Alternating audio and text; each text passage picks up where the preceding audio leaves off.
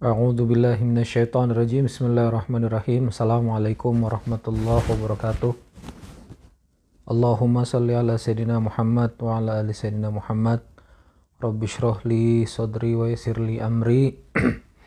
Wahlul 'uqdatan min lisani yafqahu qawli. Rabbi anzilni munzalan mubarakan wa anta khairul munzilin. Shadaqallahul adzim.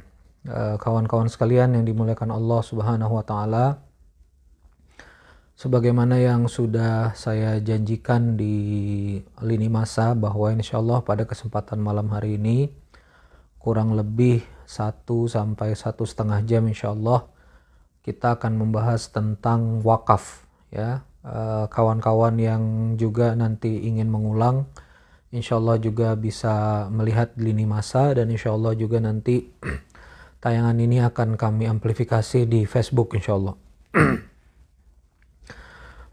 Baik sebelum kawan-kawan eh, kita mulai, saya boleh minta respon di uh, apa kolom komentar apakah suara sudah cukup terdengar baik atau tidak. Boleh saya minta komentarnya. Mas Arif Solo gimana Mas? Apakah suara sudah terdengar baik? Mas Ahmad Sofyan juga sudah hadir. Apakah suara terdengar cukup jelas? Jelas ya? Insya Allah ya.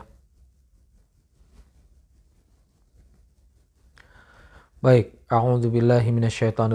Bismillahirrahmanirrahim.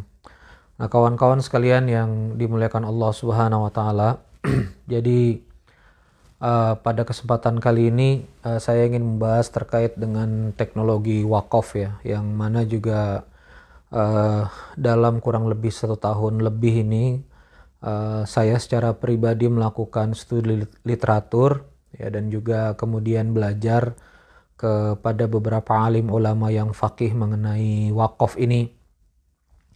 Tentu ini tidak sempurna. Uh, wakaf ini perpustakaannya bahkan uh, satu gedung sendiri untuk wakaf ya di salah satu negeri.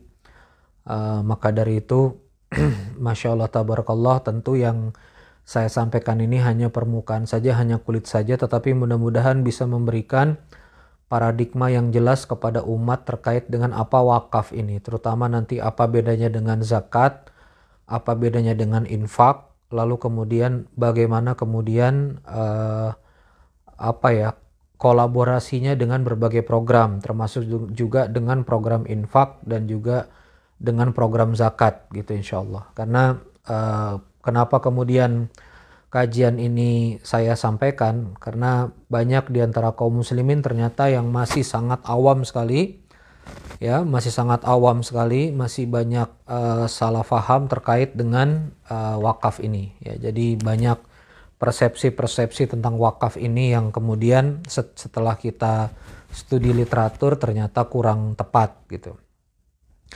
Baik, saya akan mulai. Uh, ini materinya uh, coba berurut ya. Jadi semoga teman-teman sabar untuk ngikutin ya. A'udzubillahiminasyaitonirrajim. Jadi pada awal bab ini saya akan berbicara dulu tentang konsekuensi dari seorang mukmin ya. Dan ini jarang disadari. Jadi gini kawan-kawan sekalian, kalau kita lihat struktur di surah awal Al-Baqarah, A'udzubillahiminasyaitonirrajim. Bismillahirrahmanirrahim. Alif lam mim. Dzalikal kitabu la raiba fihi hudal lil muttaqin alladzina yu'minuna bil ghaib wa yuqimuna shalah wa mimma razaqnahum yunfikun. Jadi kerangka dari seorang mukmin itu yang pertama yu'minuna bil ghaib, jadi batinnya harus beriman kepada Allah. Wa yuqimuna shalah, dia harus punya ketaatan fisik. Ya, ini disebut dengan uh, apa? ibadah mahdoh jadi dia punya mahdoh yang sifatnya fisik, arkan lewat lewat apa? Lewat perilaku ya, ketaat. Tapi kemudian juga muslim itu dituntut untuk juga punya malun mahdoh. Apa itu malun mahdoh? Yaitu malun mahdoh itu adalah ibadah harta. Wa mimma razaqnahum yunfikun. Jadi bukan cuma beriman dalam batin tapi iman ditunjukkan dengan sholat wa yuqimuna harus ada bentuk ketaatannya dan juga dia juga harus apa? Harus mengeluarkan harta. Jadi ada kepedulian di sana, ada giving di sana. Wa mimma razaqnahum yunfikun. Maka ini berulang juga di surah Ibrahim. Kalau Allah Ta'ala fi kitabil karim. Alam tara kaifa daraballahu mathalan kalimatan toyibah. Apakah kamu tidak lihat Allah menghadirkan permisalan seperti kalimat yang baik. Itu juga tiga perspektifnya. Asluha thabit, ya, akarnya menghujam. Jadi alam tara kaifa mathalan kalimatan toyibah. Apakah kamu tidak melihat Allah kasih perumpamaan kalimat yang baik kasajarotin toyibatin. Seperti pohon yang baik. Kalimat toibah ini adalah tauhid. Tauhid itu kalimat yang ada di kaum mukmin, di seorang muslim, di seorang mukmin. Nah, mukmin itu Allah Subhanahu wa taala kasih analogi ke syajaratin toyibatin, dia harus seperti pohon, ya, yang baik. Apa tuh tiga? Asluha sabit, akarnya menghujam, ya. Dan ini perspektifnya nanti nyambung yuk minu nabil goib, asluha sabit, ini iman. Maka pohon kalau akarnya baik gak gampang goyang, dia bisa tegak ya akar itu yang kemudian menyerap apa unsur-unsur gizi dalam dalam tanah. Itulah iman. Iman kalau sehat dia kemudian memberi energi pada hidup, yaitu akar. Yang kedua wa far'uha fis sama, batangnya menghuja batangnya menjulang ke langit, jadi ada ada bentuknya. Nah, itu wa yuqimunas shalah. Mirip ya wa yuqimunas shalah, tegak salatnya, tegak batangnya. Maksudnya batang hidupnya itu tegak. Artinya kita nggak bisa ngomong oh uh, dia beriman tapi dia nggak sholat, dia beriman tapi dia nggak taat minum minuman keras, nggak bisa. Kalau dia beriman berarti harus ada jelas ini wujud imannya itu apa? Batang menjulang ke langit. Tapi Allah nggak bicara sampai situ. Allah kemudian berfirman lebih jauh, tu'ti ukulaha kullahini rabbiha dan dia bisa memberikan rasa buah yang manis. Nah ini bedanya mukmin uh, orang yang kemudian hidup imannya ya kaum muslimin yang kemudian hidup imannya dan yang tidak itu adalah uh, ada ciri khas karakter untuk bermanfaat bagi sesama. ti ukulaha kullahinim rabbiha. Pohon itu bisa memberikan rasa buah yang manis. Jadi gini teman-teman sekalian ya, tuntutan Anda giving, tuntutan Anda berzakat, berinfak, berwakaf, peduli pada sesama, itu bukan pilihan. Oh saya mau sodako, yes saya enggak enggak. Itu sebetulnya adalah adalah bangunan dari keimanan. Kalau kita sebagai kaum mukmin itu enggak peduli dengan ibadah harta, kalau kita sebagai kaum mukmin itu enggak peduli dengan berbagi, sebetulnya ada yang salah pada keimanan kita.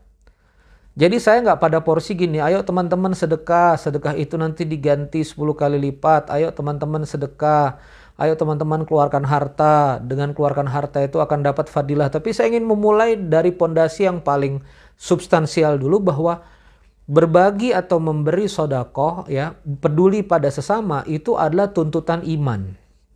Ya, dia adalah benar enggaknya iman di hati maka dari itu mengeluarkan harta itu disebut dengan sodakoh asal asal katanya sidik sidik itu benar jadi kalau imannya benar pasti uangnya keluar kalau imannya benar, pasti kemudian dia giving. Karena kalau kalau pakai cuma orang yang cuma hidup logikanya, pasti akan pasti akan apa memilih untuk tidak mengeluarkan hartanya. Ngapain saya mengeluarkan harta saya? Ngapain saya mewakafkan manfaat rumah saya? Ngapain saya mewakafkan tanah saya? Tanah yang sudah dibeli setengah mati dengan usaha yang ada harus jadi masjid, harus jadi pondok. Ngapain saya harus ngasih makan anak yatim, anak penghafal Quran itu kan anak orang lain, bukan tanggung jawab saya.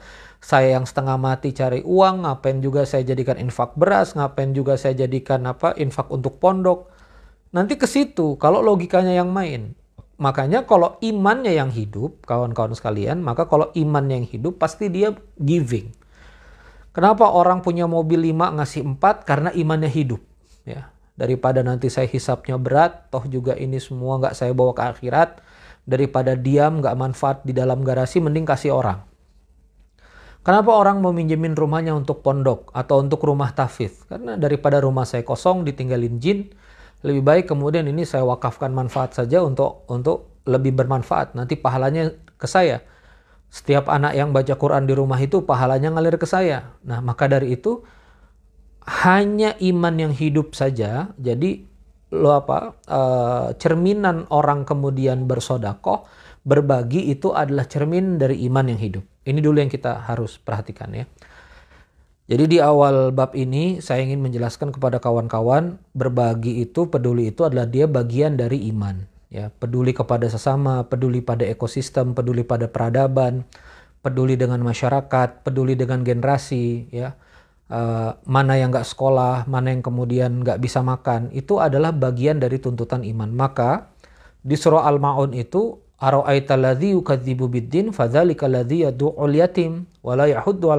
miskin.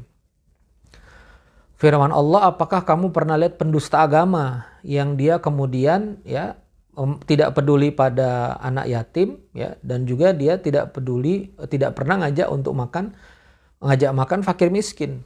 Jadi nggak giving itu ya kalau misalnya nggak ada kepedulian itu itu apa adalah sat, salah satu parameter nggak beresnya iman ini bukan saya yang bicara, ini adalah Quran yang bicara gitu. Makanya kita berhati-hati sekali ketika kita menganggap permasalahan berbagi ini, permasalahan peduli ini adalah permasalahan yang sifatnya pilihan. Dia bukan pilihan. Dia adalah yang harus kita jalani. Oke, sekarang kita masuk bab 2. Apa saja malun mahdoh ya di dalam Islam itu? Apa saja ibadah harta di dalam Islam itu? Sebetulnya relatif ada lima. Yang pertama zakat, yang kedua yang sifatnya infak am, infak umum, ya artinya Anda mengeluarkan infak secara sunnah, uh, tapi itu umum saja atas kepentingan maslahat am. Yang ketiga adalah wakaf, yang keempat wasiat, dan yang ketiga adalah waris. Ya. Tapi kita nggak sampai wasiat dan waris, kita akan berfokus pada tiga saja, zakat, uh, lalu kemudian infak sodakoh am, dan juga wakaf. Nah sebelum saya sampaikan, jadi sebetulnya baik zakat maupun infak yang sifatnya tadi am dan wakaf itu sebetulnya adalah payungnya namanya sodakoh. Ya, payungnya namanya sodakoh. Kalau zakat itu adalah sodakoh wajib. Ya, maka ayatnya khudh min amwalihim sodakotan. Tarik dari harta mereka itu sodakoh. Jadi zakat itu sebetulnya akar ya.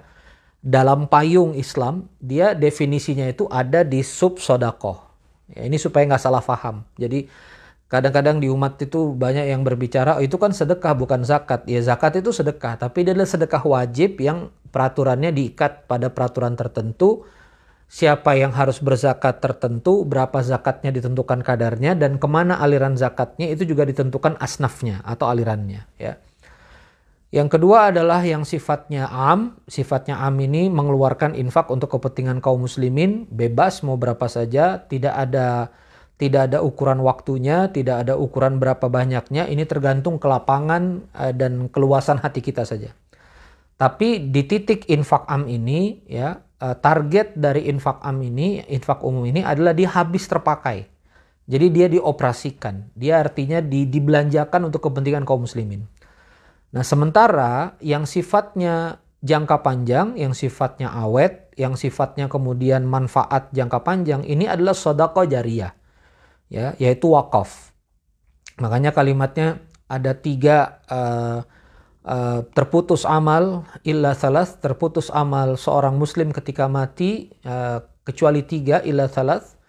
Yang pertama adalah doa anak soleh, waladun soleh, lalu kemudian uh, ilmu yuntafa'u bi'i uh, ilmu yang bermanfaat. Yang ketiga adalah amal sodako jariah amal sodako jariah ini adalah apa yang dikeluarkan kaum mukmin yang dia bisa jangka panjang. Nah itu nanti akan kita sebut dengan wakaf.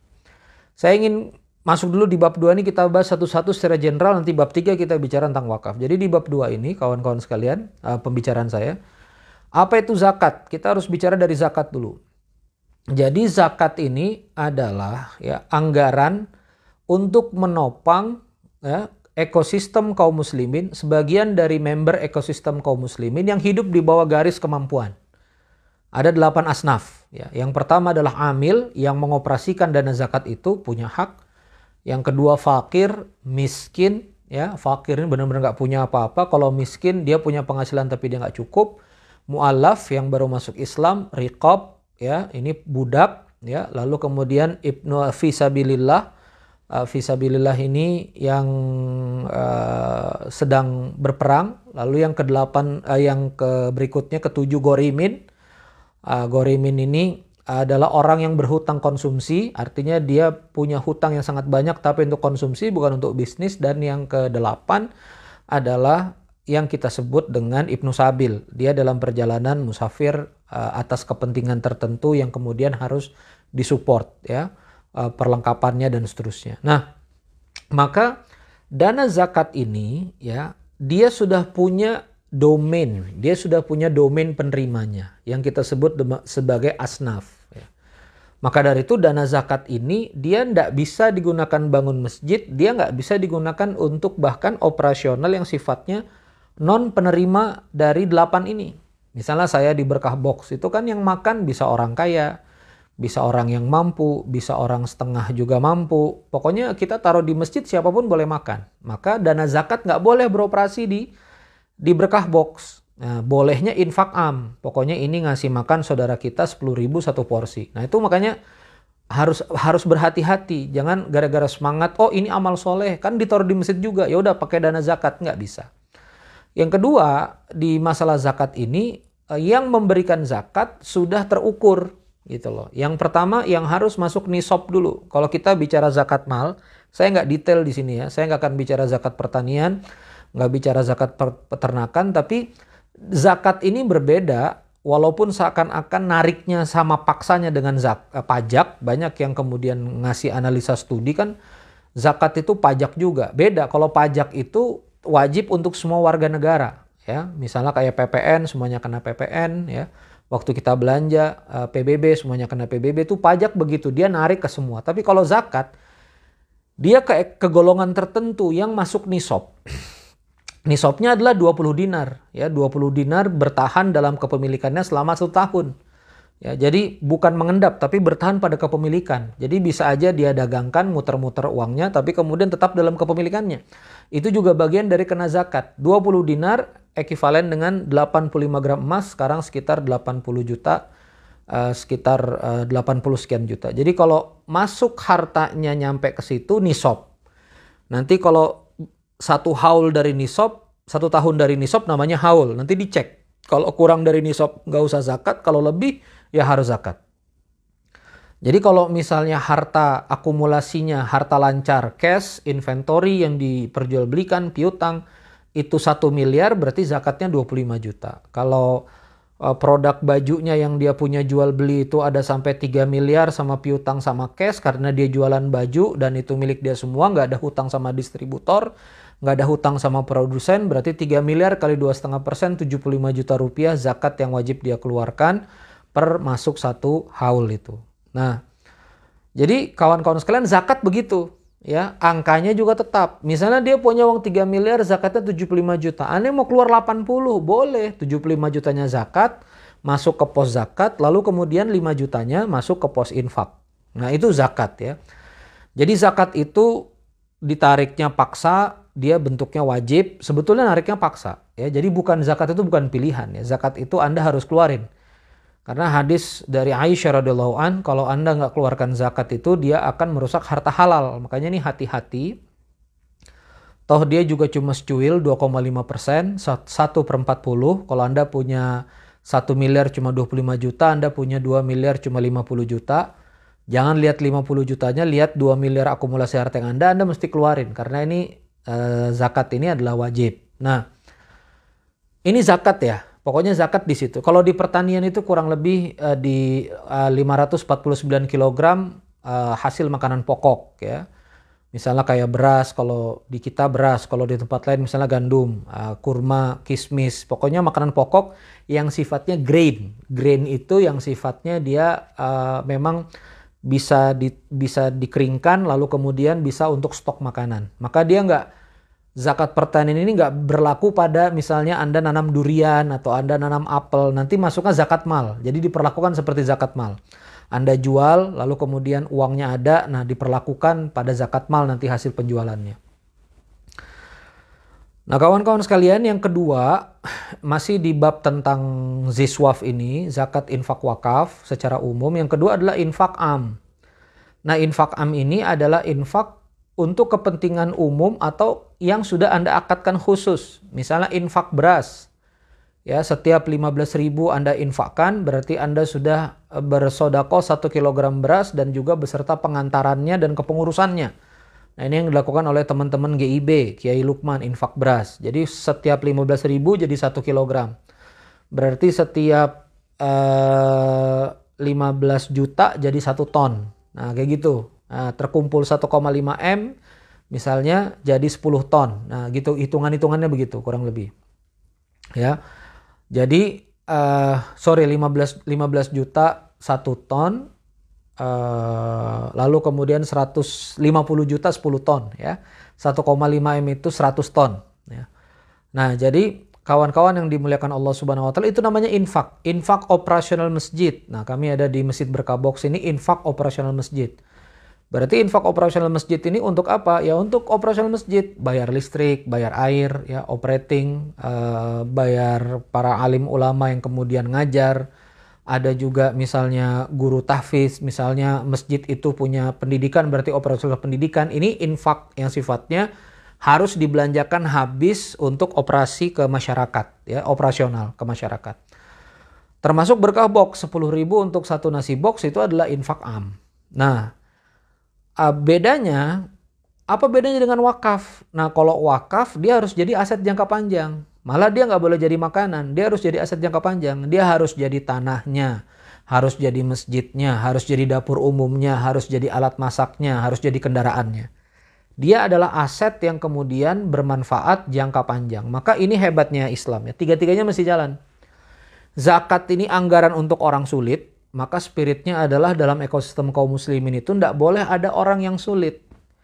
Maka kalau kita belajar ke guru-guru kita, eh, salah satu referensi saya adalah Ustadz Erwandi, itu ketika Anda merealisasikan zakat, lihat nih orang kemampuan hidupnya berapa. Misalnya kemam apa living costnya adalah 5 juta. Kalau living costnya adalah 5 juta, penghasilannya sejuta lima ratus, berarti dana zakat harus beroperasi tiga juta lima ratus pada orang tersebut ya tiga juta lima ratus per bulan tiga juta lima ratus per bulan. Itu itu adalah cara gimana mengoperasikan dana zakat. Jadi bukan kasih sembako kasih sembako. Cukup nggak dikasih sembako? Gitu. Karena dana zakat ini harus membackup hidup dia sampai dia hidup pas. Sampai dia hidup bisa makan. Itu zakat. Nah jadi kaum muslimin ini punya tiga ya. Teknologi filantropi dalam Islam itu tiga. Satu dia zakat untuk apa menjaga arus bawah supaya bisa hidup nyaman Lalu infak adalah untuk mengoperasionalkan layanan di masyarakat ini, baik lewat siapin berasnya, uh, amaliat operasional dakwah, amaliat operasional sosial pengajaran. Dan yang ketiga adalah harus ada infrastrukturnya, harus ada aset wakafnya, ya, harus ada alatnya. Sebagai contoh, kalau ada mobil, supirnya pakai dana zakat, berarti supir itu logikanya adalah dana zakat, manusianya harus bisa hidup mobilnya adalah wakaf, infak adalah bensinnya. Jadi saya ulangi lagi, zakat adalah supirnya, manusianya supaya dia bisa hidup. Ini dana zakat beroperasi pada manusianya. Mobil itu adalah aset, itu adalah wakafnya, dan bensin adalah infaknya. Maka inilah hasil riset saya kenapa di sebagian entitas dakwah ini nggak jalan baik ya. Maksudnya banyak beberapa program gak jalan baik karena terjadi ketimpangan pada kesemuanya. Sebagai contoh, uh, beberapa orang kaya, agnia itu senang berwakaf. Kasih tanah, kasih gedung, dan seterusnya. Tapi entitas dakwahnya, pondoknya nggak punya arus infak. Ya. Jadi kalau muhibid datang 2 miliar pengen jadi tanah, 1 miliar pengen jadi gedung. Tapi itu kan operasionalnya butuh maintenance gitu loh. Maintenance-nya harus ada. Nah makanya di Masjid Berkah Box sebelum jadi masjid permanen 78 miliar 9 miliar uh, belum lagi sama tanahnya. Nah itu kami masjid sementara dulu, pastiin dulu bisa nggak operating gitu loh. Mampu nggak masjid ini operating? Jadi OPEX-nya dulu. Nanti kalau OPEX-nya sudah jelas, masyarakatnya sudah memang bisa terlayani, baru kita pakai masjid permanen. Nah ini, ini sebagai contoh ya. Uh, jadi banyak sekali yang timpang ya. Nah, termasuk juga misalnya kami merasakan ketimpangan juga misalnya besar di infak. Misalnya kayak di Berkah Box ini pos infaknya cukup besar untuk makanan, hampir 18 ribu nasi box per pekan. Itu berarti harus infak rata-rata 180 jutaan per pekan ya. Nah, itu tinggi sekali, tapi wakafnya belum jalan baik ya. Mobilnya masih sewa Astra, nyewa ya, belum punya mobil wakaf, masjidnya belum permanen, dapurnya masih semi permanen. Ini juga jadi berat ya kalau infaknya kencang, wakafnya nggak bisa ngimbangin. Dan ketika uh, karena kami belum UPZ, jadi kami masih berhati-hati dalam mengumpulkan zakat, uh, nggak bisa nggak bisa terbuka. Nah, ketika dana zakatnya juga nggak ada, ini orang-orang sulit, orang-orang yang lagi kesulitan yang kemudian uh, merapat ke masjid berkabok, sini juga nggak bisa dapat apa pelayanan yang baik karena dana zakatnya belum optimum besar. Nah, maka uh, sebagai penggerak uh, ke teman-teman ini banyak yang sedang menggerakkan banyak dunia di dunia dakwah dan juga sahabat-sahabat Agnia yang mungkin donatur yang menyaksikan tayangan ini. Nah, ini harus imbang kita itu ada zakatnya, ya, ada infaknya, ada juga wakafnya. Jadi uh, bensinnya kita sediakan, wakafnya kita sediakan, dan juga kemudian zakatnya kita sediakan. Ini uh, bab dua, ya. Bab satu saya sudah bicara sebagai mumin kita harus giving. Bab dua saya sudah berbicara tentang zakat, infak, dan wakaf. Sekarang masuk bab tiga tentang wakaf. Nah jadi apa sebetulnya wakaf ini? Jadi wakaf ini asal katanya sebetulnya adalah wakful, uh, wukuf ya. Kalau Anda lihat wukuf di Arafah, itu orang stop dan berhenti. Jadi wukuf itu tuh pemberhentian, titik pemberhentian di Arafah waktu haji itu namanya wukuf. Ya ini asal kita bermain terminologi kata. Kalau kita ngaji di Quran, Al-Quran, kitab, mushaf, lalu kemudian ada tanda-tanda beberapa wakaf, itu artinya tanda berhenti. Maka disebut tanda wakaf. Tanda kita berhenti di pertengahan ayat, itu namanya wakaf. Nah, maka dari terminologi berhenti ini, wakaf ini adalah menghentikan gerakan kepemilikan pada harta. Ya, jadi dalam Islam itu harta itu ada al-milkun nafas, harta itu ada kepemilikan jiwanya. Ini saya pegang Quran. Nah, ini ada kepemilikan jiwanya. Ini punya siapa Quran ini, ya? Saya misalnya pegang benda, ini ada tanah, ini ada kebun, ini ada milkun nafasnya, ada kepemilikannya pada jiwa tertentu, ya. Maka dari itu ini perspektif nanti uh, ketika kita bicara apakah harta itu harta suami istri atau harta suami harta suami, harta istri harta istri. Jadi harta itu ndak ada dia bias gitu loh. Ini harta punya siapa? Nggak ada. Harta itu dia jelas kepemilikannya. Dia adalah harta istri atau dia adalah harta suami karena harta itu al milkun nafas tadi. Nah makanya ketika waris pun, misalnya seorang suami meninggal, itu ada yang diwariskan kepada istri, ada hak anak-anak. Istri berapa, anak-anak berapa. Jadi nggak ada harta komunal, oh ini harta mamanya dan anak-anaknya sekian, nggak boleh. Ya, karena Islam itu menghargai al-milkun nafas ini. Nah ketika harta itu diwakafkan, maka harta ini berhenti kepemilikannya. Artinya berhenti kepemilikannya ada tiga. Tidak boleh lagi diperjualbelikan, hati-hati nih uh, teman-teman yayasan yang katanya wakaf tapi kemudian memperjualbelikan aset ketika harga sudah tinggi itu berarti bukan wakaf Anda lagi cuma aset yayasan gitu makanya kan dalam legal pemerintah itu kalau belum ada aktanya kan berarti masih bisa diperjualbelikan yayasan itu masih bisa jual aset yayasan kalau wakaf nggak boleh jadi dikunci uh, wakaf itu tidak boleh diperjualbelikan tidak boleh dihibahkan dihadiahkan jadi milik pribadi dan yang ketiga tidak boleh diwariskan Nah, makanya ini ada namanya kalau Kiai Lukman bilang Kiai Sistem. Masjid Berkah Box bukan punya Randy Saputra. Munzalan Mubarokan bukan punya Kiai Lukman. Ismu Yahya bukan punya Adi Pratama Larisindo, Bang EN. Tapi kami semua adalah nadir, wakaf. Dia tidak boleh diwariskan. Artinya diwariskan itu misalnya mudah-mudahan nonton ya Kiai Sandi. Kiai Sandi Sukabumi misalnya punya mabda Islam 50 hektar. Terus habis itu diwariskan kepemilikan sama anaknya, anaknya jual-jual itu pondok, tanah pondok sekian hektar dibagi-bagi, peternakan pondok dijual berjual kan nggak bisa begitu. Itu punya punya dakwah semua, punya entitas dakwah semua, punya yayasan semua. Yang bisa diturunkan paling jauh ke pengelolaannya. Nazirnya boleh diturunkan ke ahli waris. Nazir ya artinya pengelolaannya. Bahkan kalau misalnya mau hebat banget sebetulnya ke pengelolaannya itu sudah bentuknya uh, entity ya seperti di Gontor kan uh, badan badan pertimbangan wakaf namanya ya uh, pengembangan uh, pertimbangan wakaf ada ada badan wakafnya khusus ya yang kemudian duduk beberapa komite duduk di komite wakaf itu untuk kemudian menjaga aset pondok. Nah saya lanjutkan lagi maka dalam prakteknya setidaknya ada tiga kisah dari wakaf ini yang kemudian nanti bisa jadi pelajaran kita besar. Yang pertama adalah praktek wakaf itu ditunjukkan oleh Rasulullah ketika Rasulullah ke Madinah. Ya, jadi waktu Rasulullah ke Madinah, tanah Masjid Nabawi yang pertama tentu tidak seluas sekarang itu milik anak yatim yang dibeli oleh Rasulullah Shallallahu Alaihi Wasallam. Dibeli dan kemudian diwakafkan untuk masjid. Ya, makanya Masjid Nabawi dan ini menjadi salah satu apa ya uh, pegangan bagi para aktivis dakwah yang meniti jalan Rasulullah itu memang tidak berpikir tentang rumah pribadi sebelum masjidnya jadi. Ini nggak nyinggung tentang yang udah punya rumah tapi belum belum bangun masjid nggak ya. Tapi ketika saya banyak diskusi dengan uh, kawan-kawan ulama yang lurus-lurus itu ya salah satunya kesimpulannya itu Rasulullah itu waktu ke Madinah nggak mikir rumahnya. Jadi masjid dulu yang beliau bangun, lalu kemudian beliau numpang dulu di rumah sahabat, lalu setelah itu kemudian baru punya rumah di samping Nabawi yang sekarang adalah makom beliau itu adalah rumah Aisyah dan istri-istri beliau ya. Kalau kita ngadap kiblat di Nabawi sebelah kiri. Nah, eh, kawan-kawan sekalian yang dimuliakan Allah Subhanahu wa taala, eh, jadi satu adalah wakaf masjid, artinya memang wakaf tempat ibadah. Yang mana tempat ibadah ini nanti ya menjadi tempat belajar Nah ini perhatikan dulu nih, masjid itu jadi tempat belajar ahlu sufah itu. Jadi Rasulullah ba'da waktu duha itu ngajar sampai zuhur. Ya. ya kita dapat literatur hadis sampai ribuan hadis dari mana Rasulullah ngobrol-ngobrol atau pengobrol ngobrolnya di masjid itu banyaknya. Keluar hadisnya di pengajaran majelis uh, Masjid Nabawi itu bersama para sahabat. Makanya ada Abu Hurairah, ada Ibnu Abbas, ada Ibnu Mas'ud yang kemudian menyerap keilmuan itu yaitu masjid. Jadi bahwa wakaf itu untuk untuk masjid itu prakteknya ada.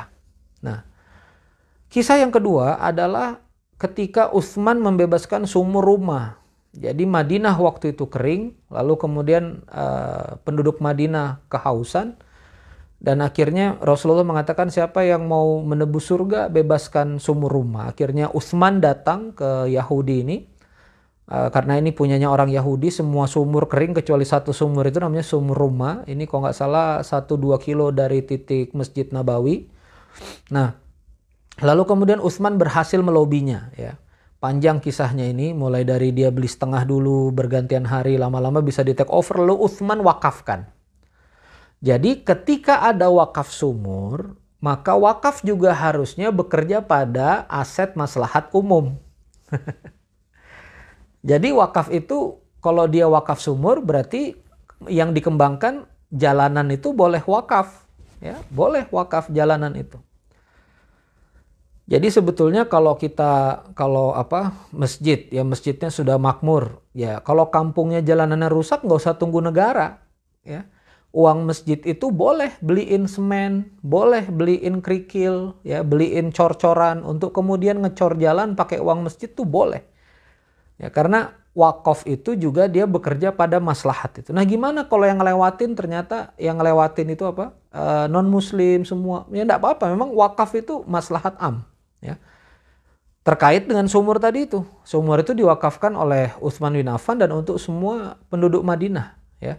Yang kemudian mau minum minum airnya. Nah, dari titik ini kita mulai melihat bahwa wakaf itu tidak terbatas pada masjid saja, tapi dia juga bisa meluas pada fasilitas yang sifatnya fasilitas umum.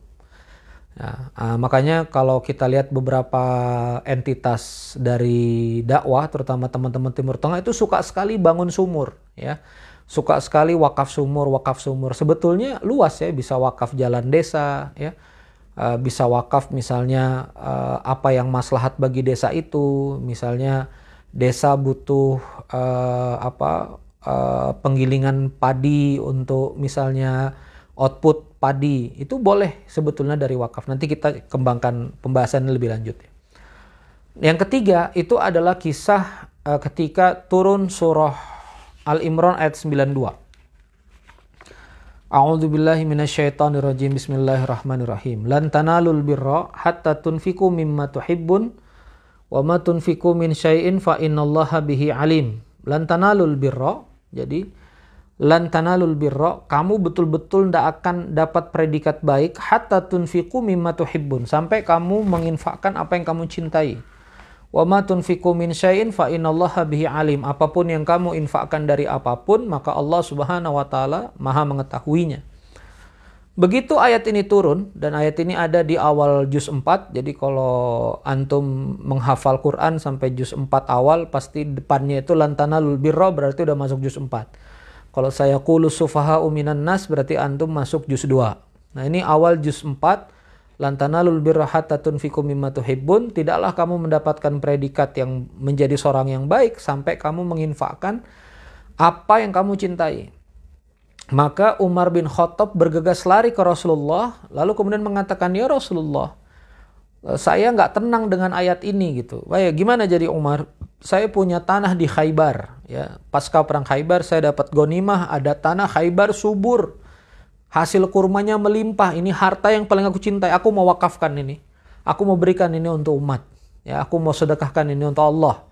Maka kata Rasulullah SAW, Wahai Umar, mulai hari ini tahan pokoknya, sedekahkan hasilnya. Nah perhatikan ini ya, tahan pokoknya, sedekahkan hasilnya.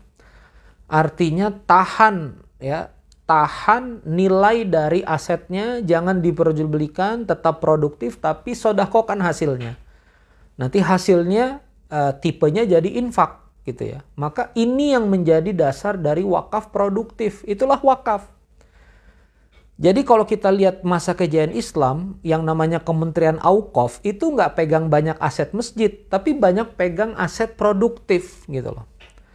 Nah maka ini bukan lagi kebunnya Umar, tapi ini adalah kebunnya Allah Subhanahu Wa Taala.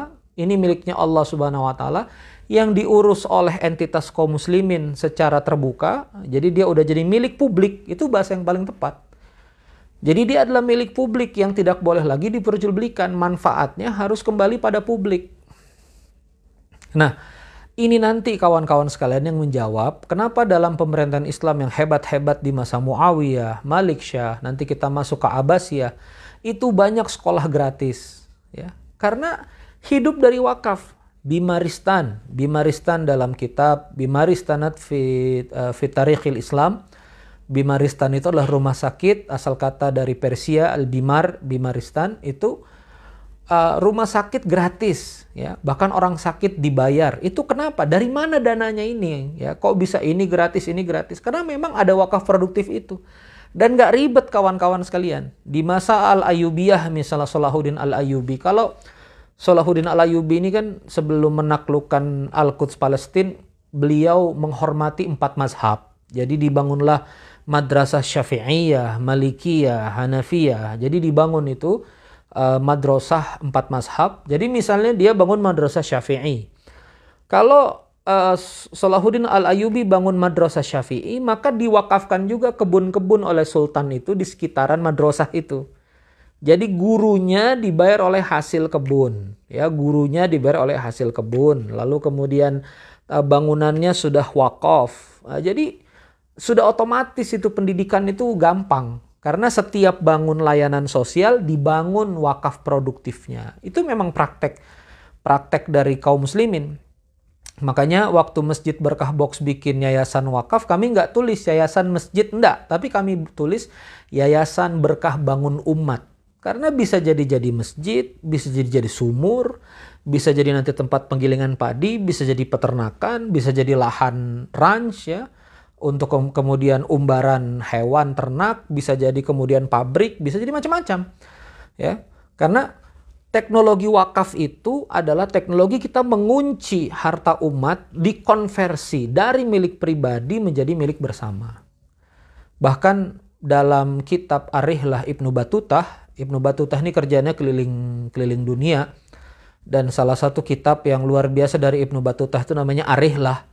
Ibnu Battuta itu menjelaskan bahwa sepertiga dari kota Damaskus adalah wakaf.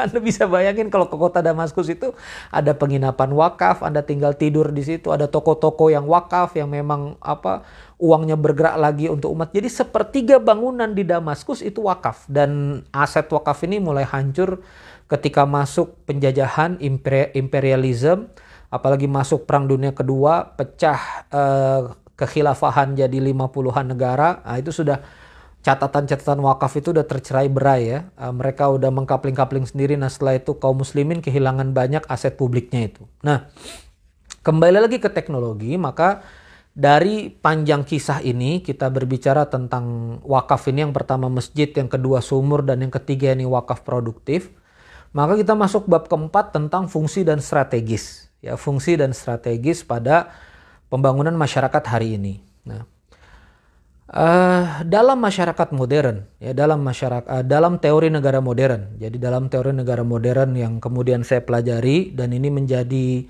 uh, cara menjalankan negara hari ini, itu masyarakat dianggap sebagai civil society. Ini masyarakat dianggap sebagai masyarakat sipil yang kemudian dia melahirkan tatanan pemerintahan untuk ngatur dirinya. Makanya lahir demokrasi, dia coblos masing-masing. Ini kita bicara bicara formalnya ya begitu, maka lahirlah pemerintahan, maka pemerintahan ini harus dikasih modal, harus dikasih uang untuk melayani mereka. Maka kesepakatan masyarakat sipil itu lahirlah namanya pajak.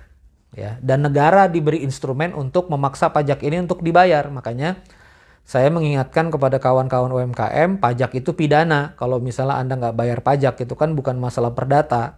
Karena memang dalam struktur berpikir negara modern ini adalah hak milik publik. Ya.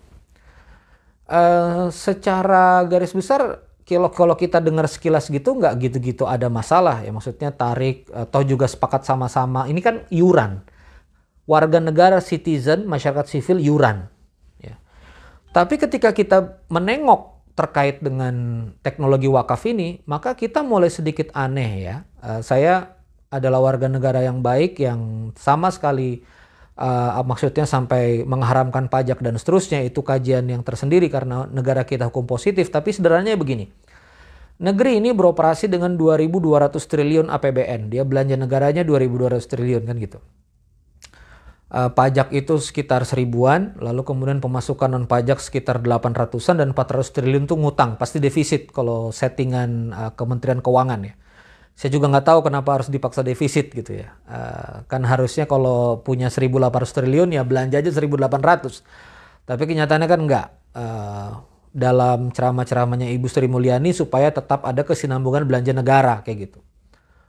Pertanyaannya adalah oke okay lah anggap aja negara ini punya belanja 2.200 triliun. Pertanyaannya apakah tidak bisa? Nah gitu loh. Apakah tidak bisa? Aset milik publik yang namanya aset negara, sumber dalam dan seterusnya untuk bekerja menuhin 2.200 triliun ini.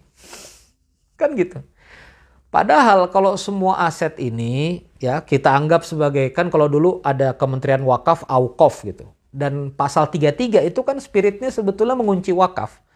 Seluruh aset negara yang kemudian apa hasil sumber daya alam dan seterusnya dia berserikat dengan apa dia adalah digunakan untuk hajat hidup orang banyak. Sebetulnya itu spirit dari Islam juga. Di ceramahnya Gus Baha bahwa air rumput dan api itu berserikat dengan publik. Ini kan Rois Am NU ya yang kemudian pemahamannya umum bahwa rumput, air, sumur itu nggak boleh dimiliki privat. Kalau Gus Baha bilang sumurmu di sini kan airnya lewat mana-mana kan Gus Baha ceramahnya begitu. Jadi logam, api, sumber daya itu sebetulnya nggak boleh dikonsesikan ke swasta dalam sudut pandang uh, dalam sudut pandang uh, wakaf yang saya pelajari ya.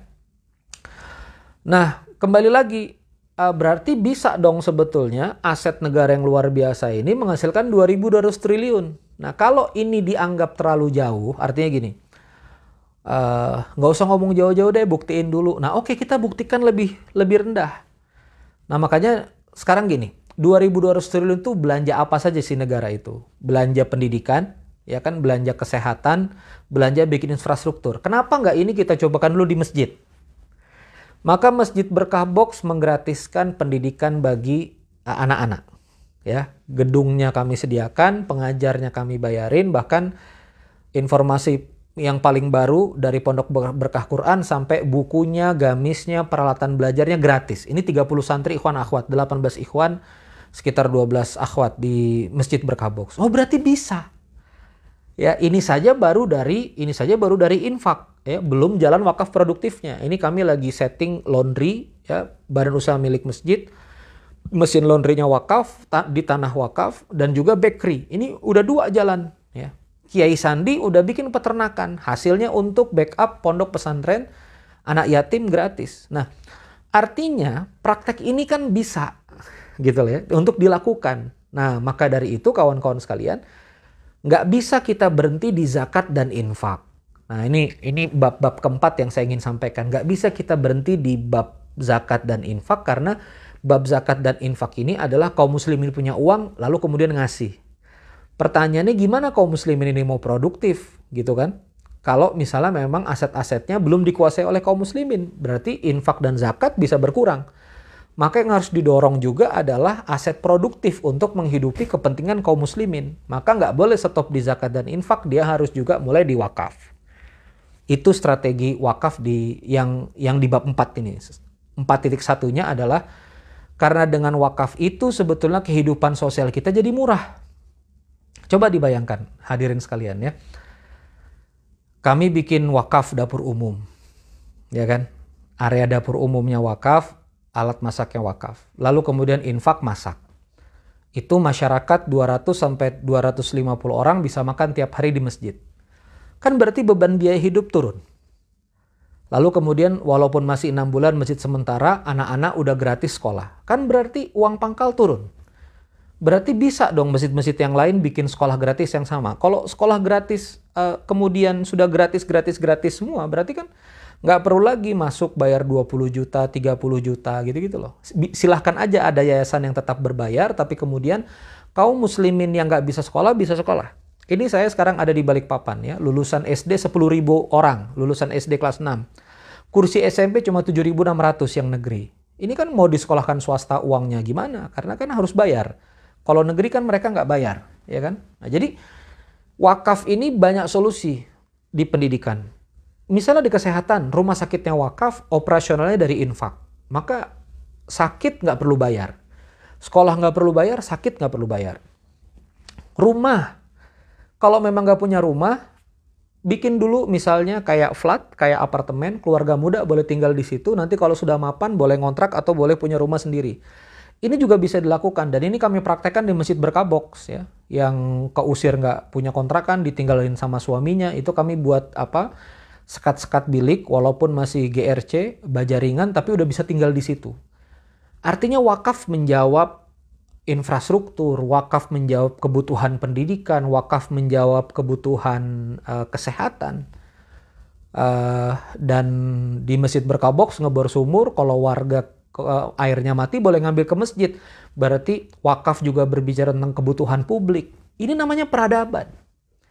Asbillah itu bangunan dua lantai. Lantai satunya ngambil air bersih ya di zaman kekhalifahan tuh ada di Mesir masih bangunannya namanya Wasbillah atau Asbillah. Anda bisa search di Google. Lantai duanya adalah kutab, tempat belajar generasi dasar kaum muslimin yang masih SD, umur SD. Berarti dulu air itu gratis. Ya, karena dia digerakkan oleh wakaf. Nah hari ini kan jadi aneh, air bayar, sekolah bayar, sakit bayar. Ini ini ini sebetulnya peradaban mundur, bro. peradaban ini mundur sebetulnya. Jadi kita ini bukan peradaban yang makin maju. Kalau dulu dimasukin kota, dimasukin madrasah udah gratis semua. Makanya Al-Azhar sampai sekarang gratis karena kemudian kebun-kebun kurma di sepanjang Sungai Nil tuh banyak wakaf milik Al-Azhar gitu loh. Al-Azhar universitas di Kairo free. Ya, itu kemudian karena ditopang oleh operating dari Kementerian Wakaf tadi itu. Wakaf yang kemudian menjaga operatingnya. Ya, wakaf kemudian yang menjaga operatingnya. Nah, Kawan-kawan sekalian yang dimuliakan Allah Subhanahu wa taala, termasuk yang berikutnya adalah strategisnya adalah wakaf ini yang menjadi solusi pengusaha. Kalau sekarang pengusaha harus ngantri kan anti riba berarti bank tutup. Nah, kalau bank tutup modal dari mana? Sebetulnya modal ini modal wakaf. Maka diperbolehkan namanya kerjasama KSO swasta contoh ya. Kami Masjid Berkah Box bebaskan tanah di Balikpapan misalnya di kilometer 20 misalnya kami bebaskan 2 hektar. Lalu kemudian kami bangunkan pabrik. Tapi masjid nggak ngerti nih teknologi air mineral kayak apa atau rumah potong ayam kayak apa. Maka boleh swasta di situ mengoperasikan aset wakaf berbagi hasil. Jadi misalnya 30% operator, 70% yang punya aset. Karena tanahnya punya masjid, semua capex-nya hasil wakaf, maka operator tinggal mengoperasikan. Untung 30% boleh uh, net profit akhir ya dari dev, dari dividen setelah dikurangi return earning laba ditahan 30% boleh untuk operator 70% masuk lagi ke masjid sebagai infak yang nanti digunakan untuk operasional uh, menghidupi anak-anak ya lalu kemudian apa menggerakkan layanan ya uh, di Parung Bogor kan ada Umi Wahida pengusaha muslimah yang masya Allah santrinya ribuan orang gratis sekolah di situ. Nah itu itu contoh bagaimana wakful bekerja. Pondok modern Gontor bayar cuma 400 ribu sebulan, makan tiga kali, dapat pendidikan, dapat ini, dapat itu. Kok bisa gitu kan? Gontor semurah itu masuknya cuma 5 juta. Ya karena itu tadi ada wakaf yang kemudian dimanfaatkan semaksimal mungkin untuk menurunkan beban operasi living cost. Nah, kalau ini bisa terjadi pada Gontor, kalau ini bisa terjadi pada masjid berkah box dari small society, dia harusnya bisa terjadi pada negara. Makanya kan canda-candanya, Ren kalau ente jadi presiden gimana nih setelah UMKM nih banyak yang dikejar pajak. Teman-teman saya banyak yang babak belur ya. Uh, kalau saya kan bukan PKP ya. Uh, ini kan teman-teman di atas 4,8 M gagah-gagah semua gitu kan. Jadi kena PPN, kurang bayar PPN, gini faktur dan seterusnya.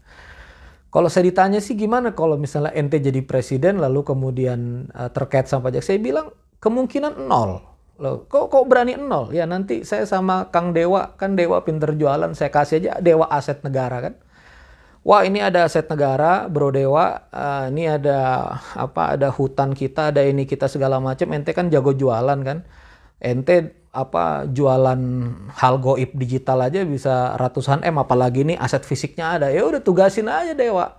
Dewa duduk entah kementerian keuangan kayak jadi menteri ekonomi kayak pokoknya tugasnya ente cari duit 5000 triliun gimana caranya? Setahun. Udah tugasin aja repot amat. Kan dia jagoan Pokoknya ini aset negara, jangan ente jual aset negaranya ya. Kan wakaf, nggak boleh diperjualbelikan. Itu siapa yang ngajarin untuk menjual aset negara? siapa yang ngajarin? Saya juga nggak tahu ngajinya ke mana tuh yang jual-jual aset negara. Kan kalau udah milik negara, dia kemudian nggak boleh dijual. Tapi bolehnya di upscale, dimanfaatkan. Udah tinggal kasih dewa, dewa pikirin dia sama teman-teman. Gerak semua. Udah setahun 5 ribu triliun gitu kan. Udah nggak usah ada pajak, ngapain ada pajak. Loh jadi nanti warga negara tugasnya ngapain? Ya warga negara kita kasih rekening negara.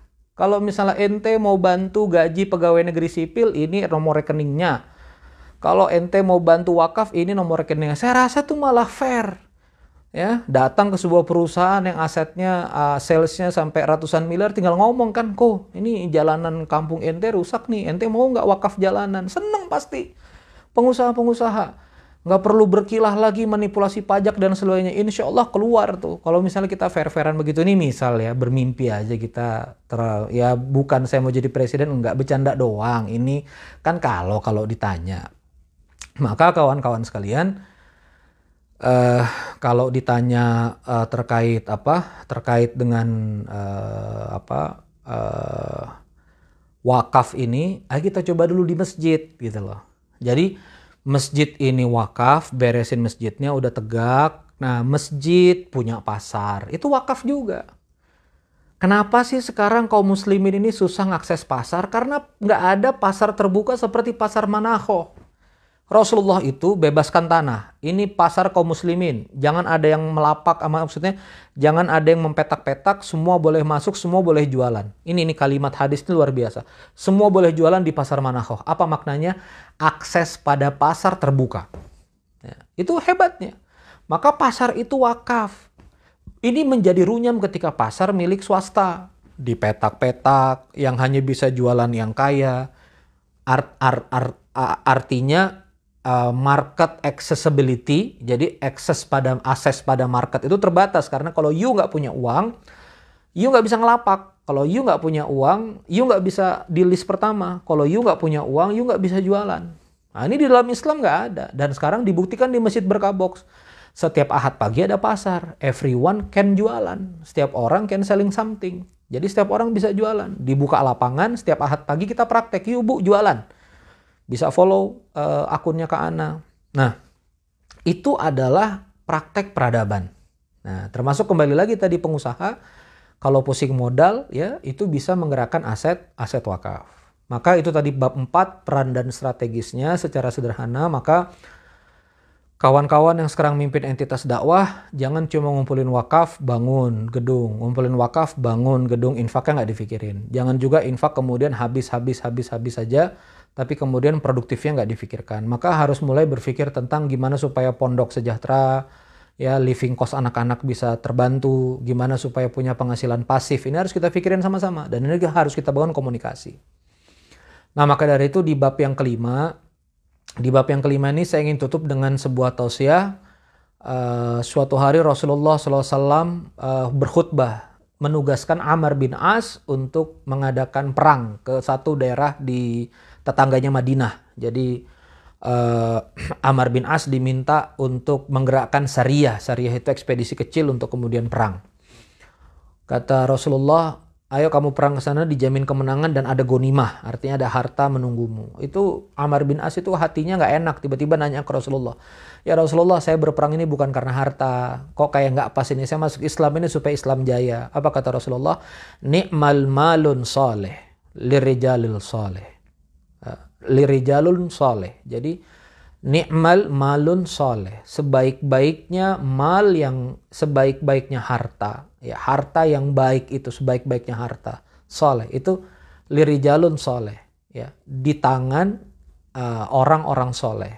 Nah, makanya uh, hari ini uh, ada dua pendekatannya ya. Kalau Kang Dewa bikin kaya dulu bikin banyak uang dulu baru disisipin dakwah jadi kalau Kang Dewa ini gayanya ayo dididik bisnis dulu baru dia di dalam dia ngedakwahin nih. Dia sebetulnya UDP juga, UDEP juga, Ustadz DWK Prayoga juga. Nah kalau saya bagian kita dakwah dulu, ada orang-orang soleh, nah baru kita berdayakan. Nah maka eh, ni'mal malun soleh, relijalun soleh, ini saya mengajak kita semua sekarang untuk gelisah gitu loh. Nggak bisa gini-gini aja gitu loh Jangan sampai kita hidup ini hanya nunggu mati saja, nggak ada kita punya makna. Ya, apa peran kita yuk sekarang? Ngajar nggak bisa, ya, nginfluence masyarakat nggak bisa. Kalau bisnis bisa, ya udah mungkin ini peran saya. Saya akan berwakaf, ya. Saya akan apa? Saya akan punya legacy. Maka semiskin-miskinnya sahabat Nabi ada jejak wakafnya. Ya, salah satu sahabat Nabi Allah Muhammad SAW menantunya sendiri yang ekonominya sebetulnya terbatas Ali bin Abi Thalib. Nah Ali bin Abi Thalib pun ada jejak wakafnya. Ya makanya kami di Berkabox minimal 10 ribu rupiah. Ya 10 ribu rupiah bagus. Sekarang jalan 20 juta sepekan 15 juta sepekan. Tapi nggak cukup ya. Kalau begitu saja ini banyak aset-aset. Jadi ayo rebut aset-aset yang kemarin mi dianggap milik swasta, uh, tanah yang kemudian diperjualbelikan, udah begitu antum rebut, wakafkan. Jadi kunci untuk umat lagi, rebut lagi, wakafkan lagi, rebut lagi, wakafkan lagi. Gayanya Kang Dewa kan gitu, 40 brand ya dimajuin, direbut marketnya, direbut ya, diakuisisi, habis diakuisisi diwakafkan, diakuisisi diwakafkan. Dan diam-diam udah jadi masjidnya Kang Dewa, Abdurrahman bin Auf, Masjid Abdurrahman bin Auf. La haula wala quwata billah. Nah, jadi begitu ya.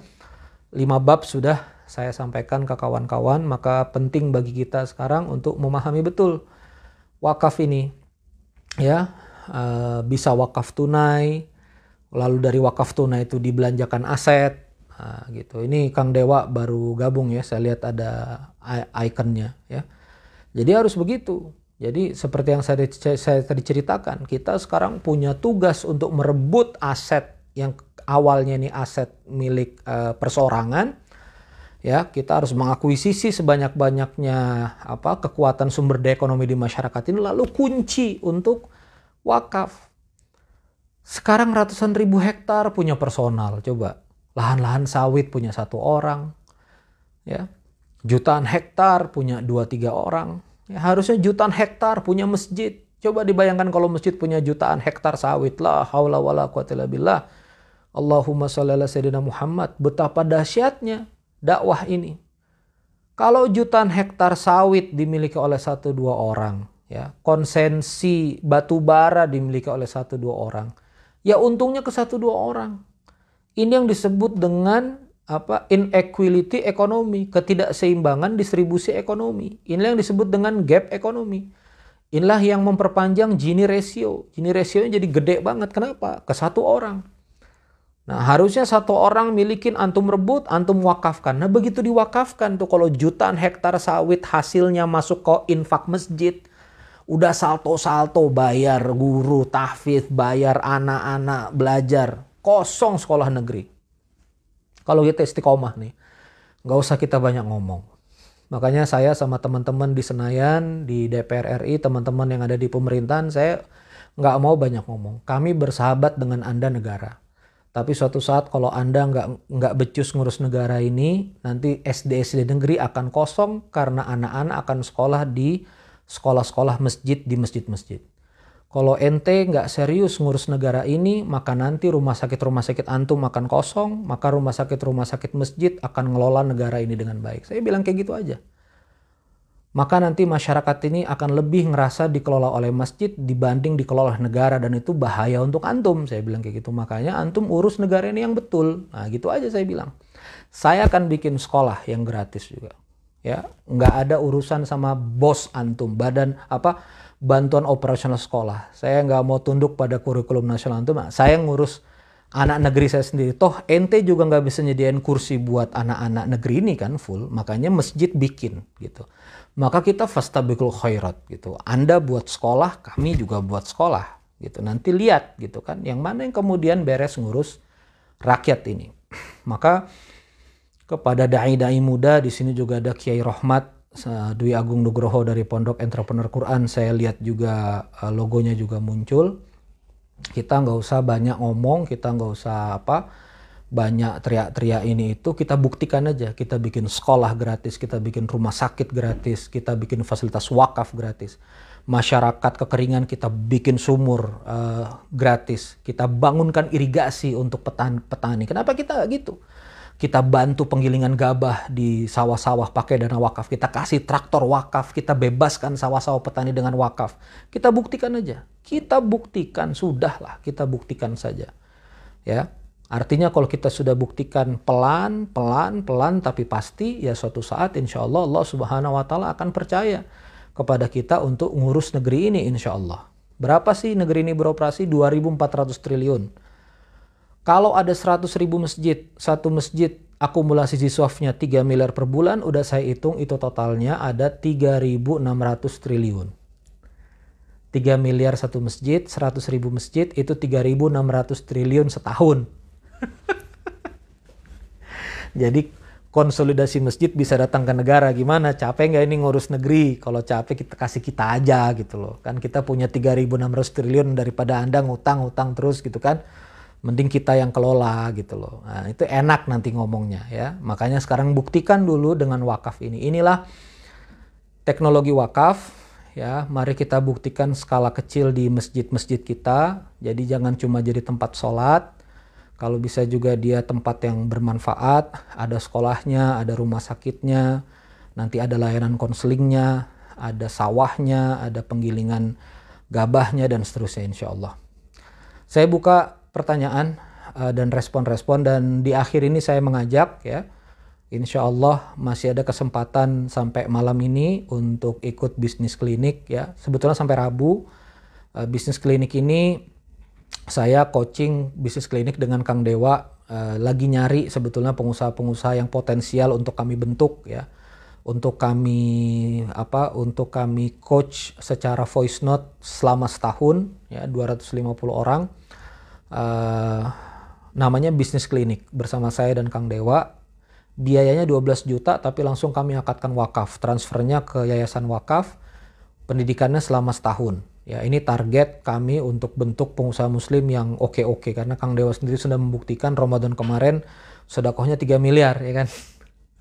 Uh, Ramadan kemarin di post 1 miliar ya sodakoh ke mana-mana dardur dardur dardur gitu. Uh, dan insya Allah Kang Dewa luar biasa Nah, makanya uh, malam hari ini uh, biayanya 12 juta rupiah, malam hari ini 9,5 juta. Ya, 6 juta wakaf ke Masjid Berkah Box, 3,5 jutanya ke Masjid Abdurrahman bin Auf. Silakan simpan nomor WA-nya untuk daftar 085956488900. Jadi nanti daftar lalu kemudian dimasukkan grup WA konselingnya Japri tapi nanti di grup selalu ada materi voice note 5 sampai 10 topik dari saya. 0859 56 uh, 488 900 ya. Kalau antum entitas dakwah silakan pakai dana wakafnya. Jadi dana wakaf forward. Karena ini wakaf ke wakaf ya. Wakaf forward ke berkabox, berkarbox forward ke mana. Silakan teman-teman entitas dakwah juga silakan uh, dipersilakan untuk memakai dana wakafnya juga karena ini wakaf untuk masjid ya. Itu saja. uh, saya masuk ke sesi tanya jawab.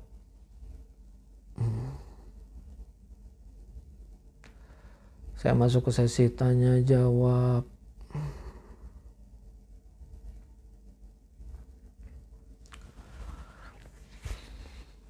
Hmm, oke. Okay. Tadi saya baca dari Kang Eep ya. Ya ini Kang Eep. Uh, oke. Okay. Ustadz nanya nih ada yang enggan menggerakkan masjid untuk kegiatan pemberdayaan umat melalui kegiatan ekonomi dengan alasan masjidnya dulu aduh hilang sorry ini saya nggak pandai. Mana tadi Kang Ep? Ya ya saya sudah nangkap ya Kang Ep. Nah ini dia. Oke. Diniatkan wakaf untuk kegiatan sholat. Tidak bisa berdiri di situ kantor koperasi masjid misalnya di lahan masjid. Gimana menurut Ustadz? Bahwa di dalam masjid tidak boleh transaksi apa transaksi dagang itu memang syariat jadi nggak boleh bikin koperasi di tempat sholat itu nggak boleh gitu lah. Cuma gini loh, ada lahan masjid ya, ada memang dia masjid, ada area masjid dan ini wakful. Contoh nih contoh, Nabawi masjid, pasar Manahoh itu juga wakaf Kang A, Kang Eep. Jadi cek pasar Madinah Manahoh itu wakaf jadi pasar itu boleh ada di atas tanah wakaf. Nah tinggal pertanyaannya gini, ini kan ada wakaf area wakaf. Begitu area wakaf ini ternyata dari apa yang mewakafkan satu orang ini wasiatnya misalnya atau niat wakafnya akadnya terikat untuk hanya boleh tempat sholat masjid ya memang itu terikat.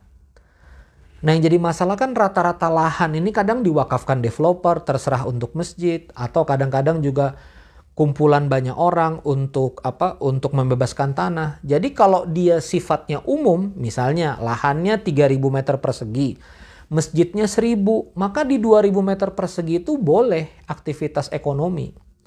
Nah, silakan belajar misalnya Masjid Subulu Salam ya Grand Wisata ya. Uh, Kang Adang Wijaya kalau tidak salah. Ketua DKM-nya, ketua takmirnya, Subulu Salam atau Sabilu Salam. Uh, mohon saya dikoreksi, Cibubur ya. Grand Wisata itu tempat parkir, futsal, kantin, bahkan uh, parkirnya komersil ya, walaupun infaknya terserah tapi kemudian puluhan juta juga. Nah, atau kalau misalnya sudah sangat terikat banget, maka dari apa uang yang kemudian dikumpulkan oleh jamaah masjid untuk membebaskan lahan lain untuk pemberdayaan. Nah, maka kalau saran saya di titik pemberdayaan masjid itu begini, apa yang sudah dilakukan jamaah tidak perlu dilakukan oleh masjid. Contoh, jamaah punya ayam geprek. Masjid nggak usah bikin ayam geprek. Ya, wakaf aja toko, wakaf aja warung. Nanti di situ ayam gepreknya beroperasi secara brand gitu loh. Jadi apa yang sudah bisa dilakukan oleh jamaah, masjid nggak usah lakukan. Sekarang apa yang nggak bisa dilakukan oleh jamaah? Bikin pasar marketplace itu jamaah nggak ada. Ada nggak jamaah kita bisa bikin mall? Nggak ada. Makanya kita bikin mallnya. Ya makanya kalau anda ke Johor eh, kalau tidak salah utaranya Kalimantan Barat ya. Hmm, Johor atau Sarawak ya saya lupa. Nah itu banyak Baitul Mal punya mall di sana. Ya karena kemudian uh, mallnya itu dari dari masjid. Kurang lebih begitu ya Kang Ep ya Tanya Kang, wakaf uang tunai berarti arahnya untuk dibelikan aset. Ini ada dua pendak, ada dua definisi. Wakful mal itu ada yang mendefinisikan wakaf uang tunai lalu uang tunainya harus dijaga nilainya. Nah, ini yang sekarang sama pemerintah kita nih digalakkan ya. Jadi wakaf tunai nanti uangnya itu investasi ke mana-mana dan menghasilkan gitu.